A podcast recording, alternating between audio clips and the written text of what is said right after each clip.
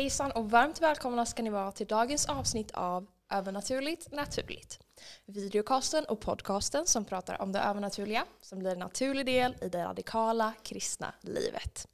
Idag har jag åkt hela vägen till Flen och ska intervjua en härlig gudskvinna. Så jag ska inte dra ut på det längre utan presentera dagens gäst.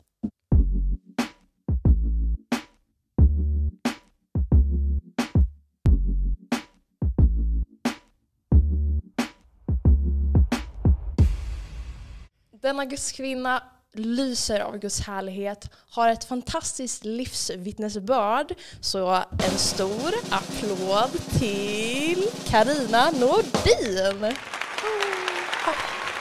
Folkens jubel. Ja, verkligen. Vad kul att du sitter här med mig idag Karina. Ja, det är kul. Du blev ju, du har inte varit frälst hela ditt liv, du har inte varit troende på Gud hela ditt liv. Nix. Vill du berätta från början? Du var inte uppvuxen i ett kristet hem. Nej. Eh, Din pappa tyckte inte om Gud alls. Nej, nej, han vart vansinnig när han såg en bild på någon som han visste var frälst eller troende eller någonting. Ja. Det var knappt han kunde åka förbi en kyrka utan att bli rosenrasande. Ja. Jag vet inte vad han hade varit med om. Eh, min mamma hade någon slags ehm, ja, söndagsskoletro, barnatro. Hon var uppvuxen i ett strängt religiöst hem. Eh, och jag har liksom bara fått berättat för mig allt negativt som hände. Och eh, ja, när man fick höra det så har man ju svårt att tro att Gud är god Mm. faktiskt. För människor betedde sig väldigt konstigt. Men som sagt var, så hemma det, det fanns liksom ingenting. Det var väl någon gång ibland om inte pappa var hemma som mamma kunde nämna Jesus. Att han kunde man ju alltid prata med om det var något. Ja. Men eh, that's it. Hur, vart fick du tag på Jesus? Hur gammal var du? Vart var du i ditt liv just då? Ehm, hela mitt liv var kaos för jag är uppvuxen i en ganska trasig familj, dysfunktionell. Psykisk ohälsa, missbruk, diverse. Och själv var jag en sån här riktigt, eh, man brukar kalla dem här högkänslig. Man upplever allting mycket starkare, både ljud och ljus. Och kunde gå in i ett rum och känna att här har det varit bråk eller nu blir det bråk eller någonting sånt där. Mm. Och mitt, eh, ja, sån var jag då mitt i det där kaoset vi hade hemma. Men när jag gick i, jag försökte ju, allting gick bra i skolan tills jag, allting gick bra i skolan tills jag blev frälst höll jag på att säga. Nej, men, när jag gick i sjunde klass då fick vi en ny tjej i klassen. Vår lärare sa att nu kommer det en, en tjej, jag gick i, på landet någonstans då. Då skulle det komma en tjej från Stockholm.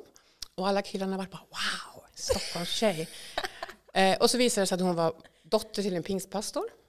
Och hon utsåg mig som offer, höll på. Nej, men vi, vi började umgås på en gång. Ja. Och sen matade hon mig då med kristna ungdomsböcker och ehm, skivor, Andrew Crouch, Bröderna Samuelsson, en dansband. Ja, klassikerna. som jag avskyr med dansband, för min brorsa spelade dansband. så jag aldrig Men det där lyssnar jag på och texterna liksom, det talar ju till mig. Eh, och alla de här böckerna de, de visar ju också på att livet kan vara eländigt och pestigt och allt vad det nu var. Men hittar man bara Jesus så blir det bra. Mm. Vilket jag trodde då. Ja. Men jag var lite grann vis också så att det tog jag vet inte om det tog ett, tyvärr så har jag inte minne om det var 78 eller 79. Men jag gick i högstadieskola för jag vet precis vart det här var. Eh, och en dag så kände jag bara så här, nej nu måste jag bli frälst. Mm. Så jag gick in på en toalett och knäböjde, tog emot Jesus.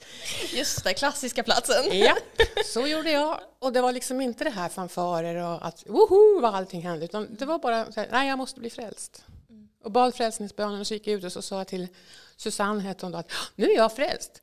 Jaha, hur vet du det? Så? Ja, men jag har bett frälsningsbönen. Okej, ja ja. Så. Ja.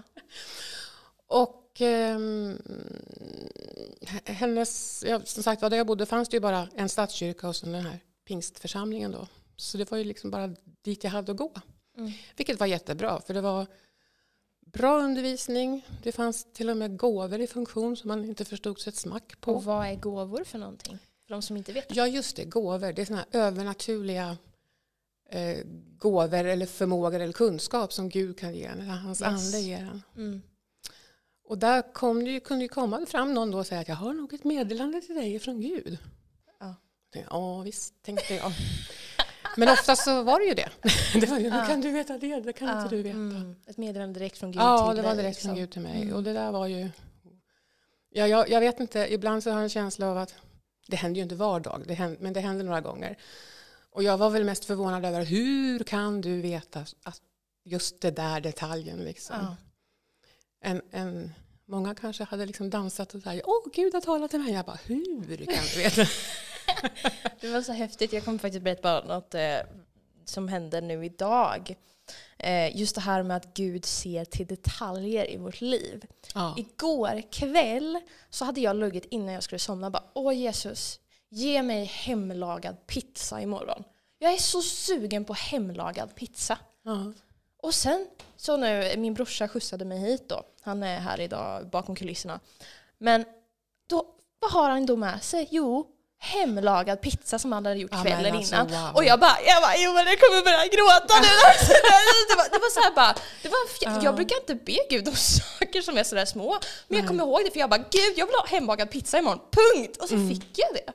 Och just det där att Gud ser till våra detaljer, det var Ja. kanske något som du hade liksom inte gått runt och tänkt på så mycket. Nej. Och sen så bara kom Gud och talade rakt in i den situationen. Mm. Det är verkligen Guds kärlek. han, han, alltså Gud är ju med på varenda sekund i ens liv och det ser man inte där och då utan det ser man Ja. nu i efterskott. yes. Det är liksom, jag känner mig nästan nyfrälst nu för jag var med om en stark upplevelse i höstas. Ja. Men, så nu har jag liksom börjat tänka tillbaka. Men alltså Gud har ju varit med. Han har varit med varenda steg jag har tagit eller inte tagit. Ja.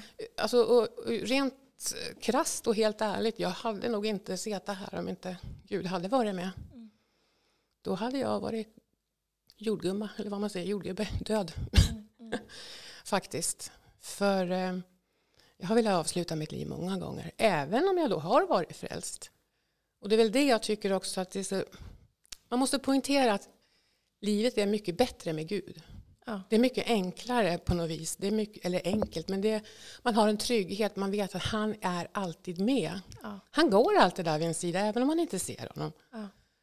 Eh, Men man ska ju inte tro att alla blir liksom förvandlade till topp till tå på två sekunder. Exakt. Det kan ta tid. Mm. Jag, jag väntar fortfarande på liksom... Ja, det är mycket som jag vill att Gud ska göra i mitt liv. Men han har ju också... Han vet ju när det är bäst. Mm. Jag, jag har ju inte bott i Flen hela tiden utan jag har varit med här i församlingen på början på 90-talet. Och några år framöver. Fast jag flyttade fram och tillbaka mellan Uppsala och så där för jag gick i bibelskola. Men när jag väl kom härifrån då sista gången för jag fick jobb på annan ort och, och upplevde väl kanske efter några år att Flen, sådär bara Flen. Nej, aldrig i livet. Aldrig tillbaka till Flen. Gud sa du då? Ja, ja alltså, antagligen var det väl det då. Ja. Det fattade ju inte jag. Okej. Jag är väldigt trög. Jag tror att vi alla kan vara det Alltså, det apropå övernaturliga saker, när man blir frälst där, då ska man ju bli döpt och andedöpt. Ja. Men jag gjorde allting i fel ordning, så jag blev andedöpt först och ville vad absolut bra. inte döpa mig. Ja. Nej, nej, nej. Det, jag var döpt som barn, det räckte tyckte jag. Och det var lite äldre personer då som tyckte att det är klart du måste, du måste ju döpas, du måste döpas. Och de tjatade, de tjatade och ju mer de tjatade ju mer kände jag, jag kommer aldrig att döpa mig. Men så var det en vis pastor där som sa åt de här tjatkorvarna att eh, om ni tror på Gud och att Gud vill att Karina ska döpa sig, Ja. då får ni väl lita på att han övertalar henne. Så Och bra. Ja, och jag var på en, en konferens nere på Öland tillsammans med några kompisar och jag var mest ensam. Läste Bibeln, var på möten naturligtvis. Men allting handlar ju om dop. Allt i Bibeln handlar, alltså till och med släktregistren i Gamla Testamentet. Någonstans ska man väl kunna, där smög det också sig in text. Ah. Så Gud var på mig hela tiden, jag måste döpas, du måste döpa, det är dags nu, det är dags nu. Ja. Ehm, och det var en stor konferens, det var ju liksom början på trosrörelsen här i Sverige, här 83 tror jag det var. Nere på Löttorp och då kände jag, men okej, jag döper mig här och nu. Men det kunde vi inte göra för det var, skulle vara dop dagen efter och då skulle vi åka hem. Jaha. Och jag kommer inte ihåg riktigt det här att jag satt och tjatade i bilen, men jag satt tydligen och tjatade i bilen på mina kompisar. Jag måste döpa mig, jag måste döpa mig, jag måste döpa mig. Ja. Så att när vi var i Norrköping, eh, vi skulle upp till Vagnhärad då, då stannade de bilen vid en telefonautomat. Och då sa då min kompis Susanna, nu går du ut och ringer till pappa och talar om att du ska döpa dig imorgon. Nej, det kan jag inte göra. Hon är elva på kvällen. Ring nu, så hon. var så trött på mig så hon, var, hon lät faktiskt sur. Ja. Ring nu då. Jag ringde honom och sa, ja, hej, jag måste döpa mig imorgon. Imorgon? Ja, sa jag. Jaha, ja vad roligt. Men alltså, du kan inte göra det nästa söndag för termostaten i dopgraven är trasig. Nej, så jag ska döpa mig imorgon eller också blir det aldrig av. Ja. Okej, sa han. Men det var ju som sagt var lite andra tider också så att han fick ju väldigt mycket utskällning för att åh, ska vi ha dop utan att det har annonserats? Så, Ja, det var massor med sånt där runt omkring. Men för mig var det jätteviktigt. Mm. Och då hade Gud talat ge- genom sitt ord. Det är praktiken på att verkligen att Gud talar genom sitt ord. Ja. Vart än gick. Och Men det, står ju gjorde han hur- hela tiden Ja. tills jag kom upp ur dopgraven. Då som först kunde jag se att wow, det står om annat i Bibeln också. Liksom. Wow. Och jag fattade ju inte det då egentligen, att det var Gud, men det fattar jag ju nu.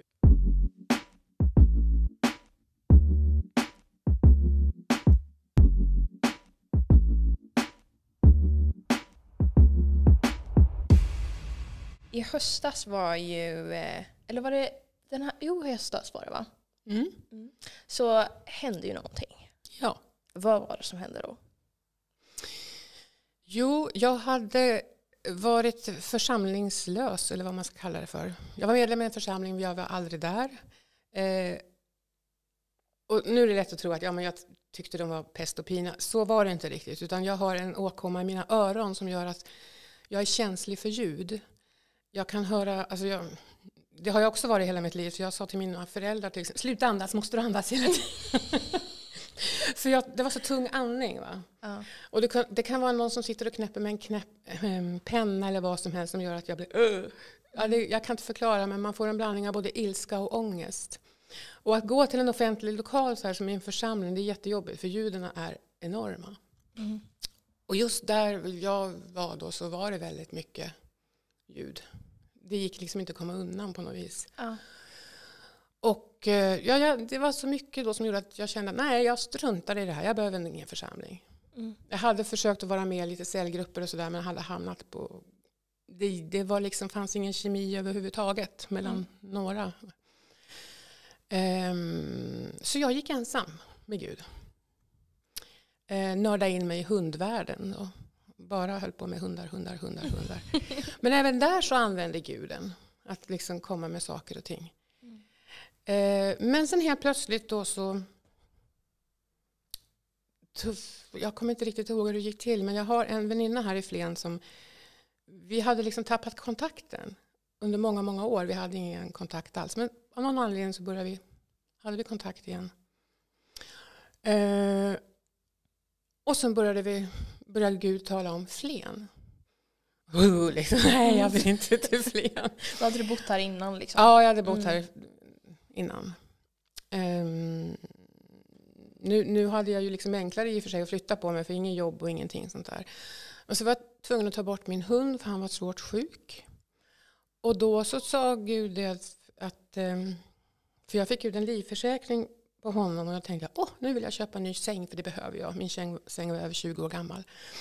Och då sa han att nej men varför inte flytta till Flen? Mm. Nej, sa jag. Men det där bara växte i mig. Ja. Och sen var jag på hösten då här hos min väninna och hälsade på. Vi satt vid hennes köksbord, jag vet inte vad vi gjorde. Om vi bara satt och pratade a- Här i allmänt. Flen då? Ja, här i Flen. Eh, Det var, alltså, jag, vi kanske spelade Yatzy till och med, för det brukar vi göra ibland. In, in, inge, inge bön och andligt överhuvudtaget. Så fick hon en, ett sms ifrån en av ungdomsledarna här, Jeffrey. Då var Jeffrey och Daniel ner, och ungdomarna nere i Sävsjö. Och Jeffrey skickade bara en länk, eh, eh, någon direktsändning. Så vi tittade, ja, öppnade på den och tittade. Och det, det jag kommer ihåg av det här, det, för det var så starkt för mig, så det, det var liksom annat runt omkring också. Men för mig så var det så här att då stod Daniel där nere i Sävsjö och vittnade. Och Daniel är ju alltså pastorn Ja, här i passar. Flen. Daniel Sion. Sten i, i Flen, Sion.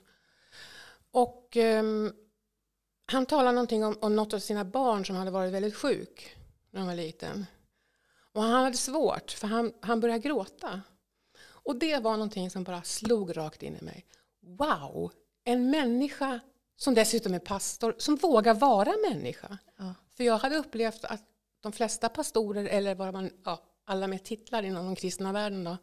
Och så tillgjorda, falska. Mm, inte människor. Nej, inte människor. Det är liksom, de var aldrig sjuka för Gud var ju deras läkare. De hade liksom aldrig några problem för Gud löste allt. Mm. Och de var aldrig ledsna heller. Verkar. Alltså det var, jag kände att det där kan inte jag relatera till. Fake it till you make it liksom. Yes. Mm.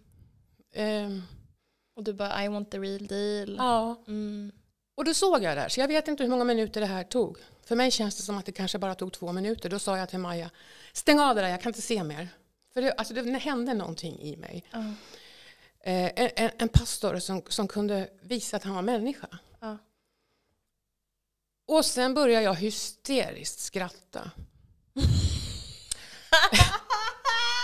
jag bara skrattade och skrattade och skrattade. Vad skrattar då? Att, jag vet inte. Så, så började min kompis då också skratta. Ja. Och sen höll vi på så här. Vi skrattade och vi grå, grät. Och jag hade inte kunnat gråta på över 40 år. Wow, tack Jesus. Då började jag gråta. Ja. Och, och, och det var ju jättejobbigt. Men så jag började skratta igen. Och så fick jag så ont i magmusklerna. Jag kunde, alltså, det var knappt som man fick luft emellan varven. Ja. Jag bara, vad är det som händer? Så jag, ja, men det måste vara Gud, sa Maja. Tror du? Så jag. Och det var ju det. För att, som sagt, vad, hände? Ja, ja, någonting, jag kan inte tala om vad som hände, men hela mitt liv var förvandlat efter det. Ja, wow. Efter det kunde jag för första gången under alla år som frälst riktigt uppleva så här att Gud är en god far. Ja. För det har jag aldrig upplevt. Vad en god far är för någonting. Oj, ja, wow. Och även om man vet att ja, men Gud går inte att jämföra med en, mänsk, med en människa, liksom, en, eller en, en far här på jorden. Men min egen var inte snäll och jag har sett andra som inte heller var snälla. Sen kan de vara både frälsta och icke frälsta. Så jag tänkte så här, nej, men Gud, han, han måste ju vara som alla andra. Att kommer det något gott så kommer det alltid något, någon, liksom, det finns någon, eh, vad heter det, hake någonstans. Att nu, nu kommer det något krav här. Men helt plötsligt så släppte det där också. Så nu är det inte gode Gud i himlen utan det är käre far liksom. Ah, Hej pappa. wow, det är så on, härligt. wow. Ja. Och det är så svårt att sätta ord på vad var det Gud gjorde. Jag, han gjorde så mycket. Han Men- återställde så mycket. Ja, det gjorde han. Mm, wow. Som man liksom har fått upptäcka i efterhand. Bara, wow. Och sen helt plötsligt då så den här tanken att Karina kanske skulle flytta tillbaka till Flen och gå med i en församling. Eh, ja, jag kanske ska göra det, men måste jag åka till Flen? ja, det måste du. ja. Och sen helt plötsligt så, jag vill flytta till Flen. Och när första gången den tanken kom att jag vill flytta till, nu är det illa liksom. Var Ja. en, men det var ju bara att inse att Gud ville att jag skulle flytta hit. Mm. Så det gjorde jag. Och själva praktiska med flytten, det är också bara Gud mitt i alltihopa. För ehm, jag har varit sjukskriven i 20-30 år på grund av, jag är multisjuk som det heter, massor med olika diagnoser. Men bland annat så får jag väldigt lätt inflammationer så här i, som, i leder och, och senskidor och grejer, opererade i händerna. Folk tror att jag har försökt ta livet av mig, men det har jag inte. Opererad. men det här gör att jag kan inte ta i, jag har inte haft någon styrka. Eh, när det var som värst då hade jag en stor schäferhund och den kunde jag inte ha kvar bara för att om den fick syn på en katt till exempel så orkade inte jag hålla i den. Va? Och kunde inte skala mer än fem potatisar åt gången för sen var jag i stort sett handikappad i tre, fyra dagar. Och där stod jag nu inför en flytt ensam. Ja. Eh, jag hade vänner men jag har bara, jag brukar säga lytta och halta, de har handikapp på olika sätt och vis. De har inte kunnat hjälpa till. Det här med flytthjälp då, det är ju jättedyrt. Oh, ja. Men tack och lov då, de här pengarna jag fick efter min hunds, um, alltså hans försäkring när den föll ut, den skulle i alla fall räcka till en flyttbuss som kunde flytta. Men det här med packning och alltihopa, det skulle jag fixa själv. Och det skulle lyftas på sängar och skruvas av eh, ben och grejer. Och jag vet jag sa till Maja då en gång att det här funkar ju inte, hur ska det här gå? Ja men Gud är med, sa hon. Ja det vet jag väl att han är med, jag, men han står inte här fysiskt och bär min säng på andra sidan, sa jag. Ja. Så jag, har varit lite, jag är lite obstinat ibland. Men Gud kan ta det också. Så att eh, jag, när dagen kom och jag var tvungen att välta den där stora breda 1,20 sängen själv då, så då, jaha, nu får du hjälpa till då Gud, sa jag. Och så boing, upp så stod den på högkant. Och jag bara, vänta nu, så här kan inte jag göra. Wow! Tänkte jag, det här är inte sant.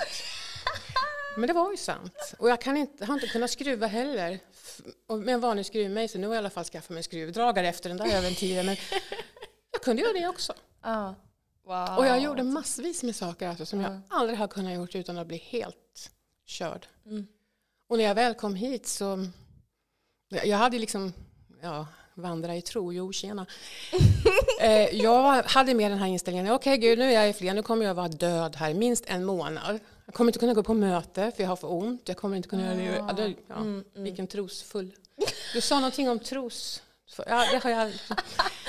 Ja, men där ser man, det spelar ingen roll alltså. Ja, Gud precis. är med. Sen Amen. om jag, jag... Han har ju överbevisat mig gång på gång att han är med. Mm.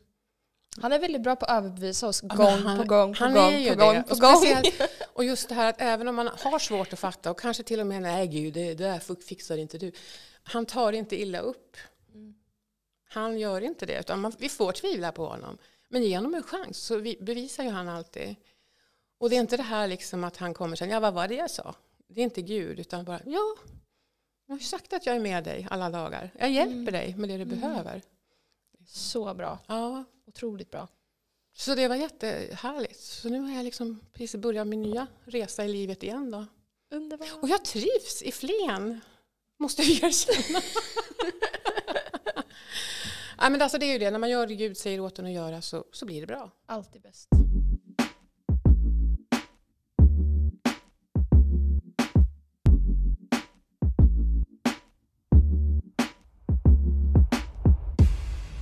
Efter det här gudsmötet så berättade du verkligen hur eh, Gud gjorde så mycket nytt i dig och i ditt liv. Eh, vill du berätta lite om den förändringen och kanske även lite om faderskapet som du fick ännu mer uppenbarelse om? Mm. Alltså jag kommer att tänka på bland det första som hände efter det här gudsmötet i höstas där. Det var ju att jag fick en helt annan frimodighet. Wow, berätta om det. ja, det här tycker vi om. Ja. Nej men alltså, ibland har ju Gud visat en saker eller sagt saker som att det där ska du säga. Ja, Men det har jag inte gjort. Nej. Eh, men jag satt på ett möte i en annan församling här i Flen. När Gud plötsligt, eller, eller, ja, han, han sa åt mig att det här ska du säga. Mm. Jaha. Så jag, ungefär som att, Och det här var efter gudsmötet? ja det var det. Mm. Men jag fortfarande är inte här och inte nu. Ja. Men det kom ett tilltal till mig också i, i samma veva som jag satt och pratade med Gud om att Gud ville höra min röst. Mm. Och det tolkade jag som två saker. Dels att han ville att jag skulle tala ut. Eh, och dels vet jag att jag har varit dålig på att prata med Gud.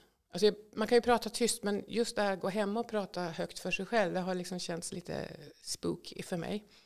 Men det har också ändrats. Ja. Så nu är jag nästan aldrig tyst istället. men men ehm, ja, jag, jag fick ett budskap som jag skulle mm, leverera till speciella personer och jag sa Gud, ja, men jag, jag tar dem sen. Nej, det gör du inte, du gör det nu, officiellt. Okej, sa jag och gjorde det. Och det var inte liksom det jätteroligaste budskapet kanske. men eh, jag gjorde det och så gick jag och satte mig och jag överlevde och det gick flera dagar och jag vet ju hur jag har mått efter efteråt förut när jag har gjort eller sagt någonting. Ja. Men nu fanns inte det där här, utan det fanns bara en lugn, en frid liksom. Wow. Och jag, hade jag tvivlat innan så tvivlade jag inte då att det här var Mm. Gud. Mm. Och det var han som ville att jag skulle göra det. Var det liksom profetiskt ord till församlingen eller till en viss person eller hur var det? Nej men det, jag kan väl upprepa det för det tål att upprepas. Det var, det var till em, ledarna i, i det här området, i Flen kan man väl säga, eller Sörmland, att, till pastorer och sånt där, att de måste ha mer gudsfruktan än människofruktan. Så bra. Vara mer rädd för vad Gud ska tycka och tänka än vad medlemmar ska tycka och tänka. Det var exakt det du praktiserade där. Du hade gudsfruktan mer än människofruktan. Du gick Det var skitsamma. Det, ja, precis. du Det var, bröt i människofruktan i ditt eget liv samtidigt Ja. som du liksom fruktade Gud. ja, det Gud var, det var enormt liksom. Wow. Och jag vet ju, när jag gick fram och sa att jag tror jag har ett, jag har- liksom jag har ett ord, jaha, och så nu har jag glömt bort vad man säger att det ska vara, det ska vara, vad är det man säger, att ett ord från Gud ska vara till uppbyggelse, uppbyggelse förmaning och Tröst. tröst ja.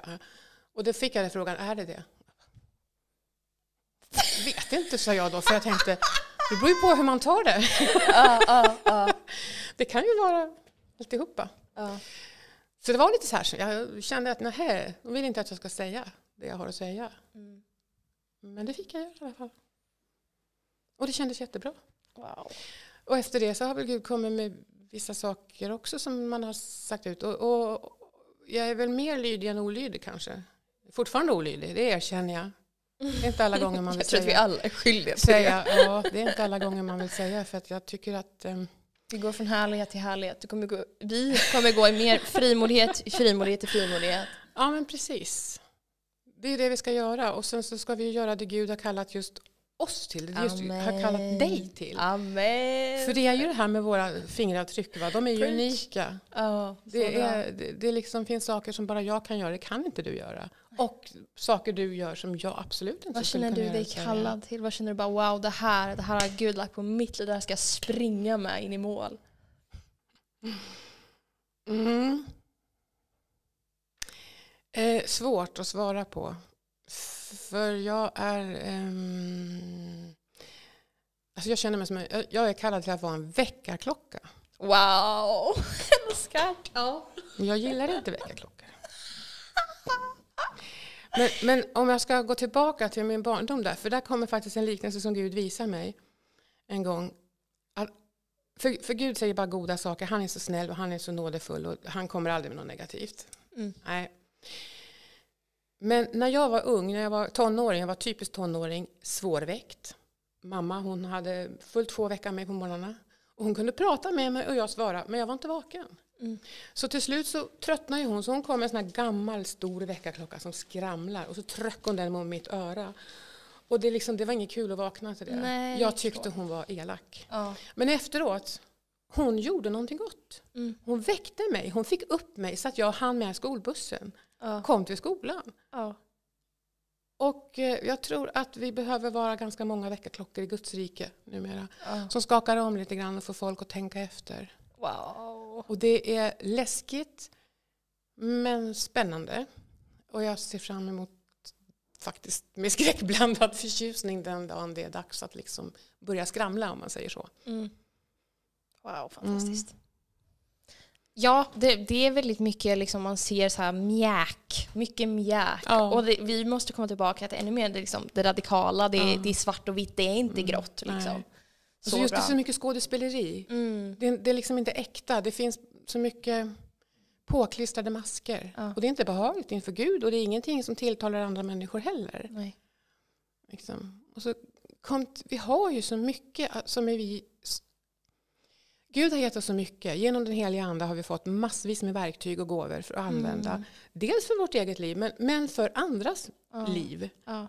Eh, och vi betjänar ju idag inte varandra ens i kyrkorna med gåvorna. Och vad är det som får oss att tro att vi ska helt plötsligt börja betjäna folk på gatorna när vi inte ens liksom, eh, använder oss av verktygen inne i, innanför kyrkväggarna? Mm. Så det känner jag, vakna upp och kom ut i frihet. Liksom. Använd ja. det ni har. Så bra. Och, och, um, för jag är lite allergisk mot allt det här skådespeleriet som försiggår. Mm. Man ska vara allergisk mot det. Ja, Punkt. jo det ska man ju. Det har Ja. du ju rätt i. Det var ju bra. Karina, jag vet att du har så mycket på ditt hjärta när det kommer till religiositet, eh, Mm. gudsfruktan som vi nämnde med väckarklocka och alltihopa. Bara dela det du har på ditt hjärta om det här, för jag vet att det ligger så mycket gott på ditt hjärta om det här som folk behöver höra. Ja, alltså... Det blir som en pyttipanna. Jag har så svårt att hålla tråden. Men, nej, men just det, så här, som jag sa, Gud är inte religiös. Jag, Mm. jag ryggar bakåt när någon frågar om jag är religiös. Nej, det är jag inte. Men däremot så har jag en tro på Jesus, brukar jag säga. Ja. Ja, men det är väl samma sak. Nej, inte för mig. Säger jag. För religion, alltså reli- att vara religiös, då gör man bara massor med saker för att möjligtvis vinna poäng eller behaga Gud. Mm. Alltså, jag behöver inte göra ett smack för att behaga Gud. Han älskar mig ändå. ja, bra! Ehm, det är liksom, allt är redan gjort. Jag behöver bara acceptera det han har gjort för mig. Mm, Ja, Och sen vara den jag är och inte försöka eh, vara någon annan. så bra. Och det är väl bra. det, alltså jag säger det, jag, jag är snart 60 år men jag väntar fortfarande på att bli vuxen. Mm. på något vis. För jag känner att jag har liksom haft det här tonårsstuket ganska mycket. Man, man måste ju... Jag har, jag har aldrig sett ut som alla andra, jag har aldrig gjort som alla andra, jag har aldrig passat in någonstans, varken i liksom världen som man säger eller i, i kyrkan. Men jag har landat i det där att alltså, Gud skapade mig som jag är med min knäppa humor och med fel och brister och allt vad det nu är. Och jag använder det ja. tills han sätter stopp för det. Så bra! Ja. Det är liksom ingen annan som ska få stoppa det utan det får Gud göra. Um, nej men just att, om man kunde slappna av, det är ju så enkelt egentligen att gå med Gud. Men vi gör det till något mycket, mycket svårare än vad det behöver vara. Och just det här när man, när man kan få liten bit av den här eh, bilden av att han är en god far. Alltså jag har lite kvar på det där, men ändå att kunna säga det utan att må illa och tycka att man ljuger. Att säga ja men Gud är en god far. Men han är det. Han, alltså han är han är som han säger, jag är, säger han. Ja, han är. Han är så mycket. Han är liksom allt vad vi behöver. Han är våran vän, han är våran bror. Jesus är ju våran storebror. Wow, alltså. Så det, det, att få bort allt det här religiösa beteendet. För då blir det det äkta som kommer fram också. Ja. Mm. Man behöver inga tjusiga böner. Man behöver inte rabbla liksom vers efter vers efter vers efter vers. Om inte Gud säger åt en att göra det naturligtvis. men, ähm, nej, att vara som man är. Mm. Vi kallar det till att vara eh, naturliga människor med en övernaturlig Gud på insidan. Ja, men precis. Och det där övernaturliga, det är det jag också längtar efter att få. Därför att um, eftersom jag har levt mycket ute i världen så har jag ju haft vänner som har hållit på med, med olika new age-saker. Då. Och, och, vi har haft ganska kul måste jag säga. Vi har lärt oss mycket av varann och vi är liksom överens om att vi är motpoler och inte alls tycker lika mm. mycket. Men som kristna, så, kristna är väldigt rädda för allt det här okult. Och jag, då känner jag som okej, okay, man ska inte blanda sig med det. Nej, men du ska ju åtminstone kunna umgås med människor, för de söker. Mm. De söker någonting och de har inte fått tag i Jesus. För de har inte ens fått honom presenterad.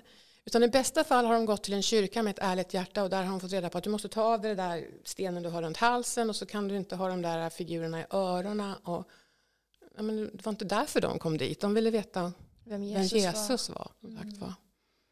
Och de är mycket mer bevandrade i det här andliga livet än vad vi troende. För vi är ju kallade att leva ett andligt liv. Vi är ju mm. skapade till Guds avbild. Och yes. han är ande. Amen. Och, och, alla dessa gåvor och grejer. Alltså, där kan man prata om ett övernaturligt liv. Yes. Och det ska vi ha i vardagen. Så det, det ska ju vara naturligt övernaturligt. Amen. Vad sa du? Övernaturligt ja. naturligt. Så var det. Ja. ja. Amen. Och dit längtar jag komma. Mm. Ännu mer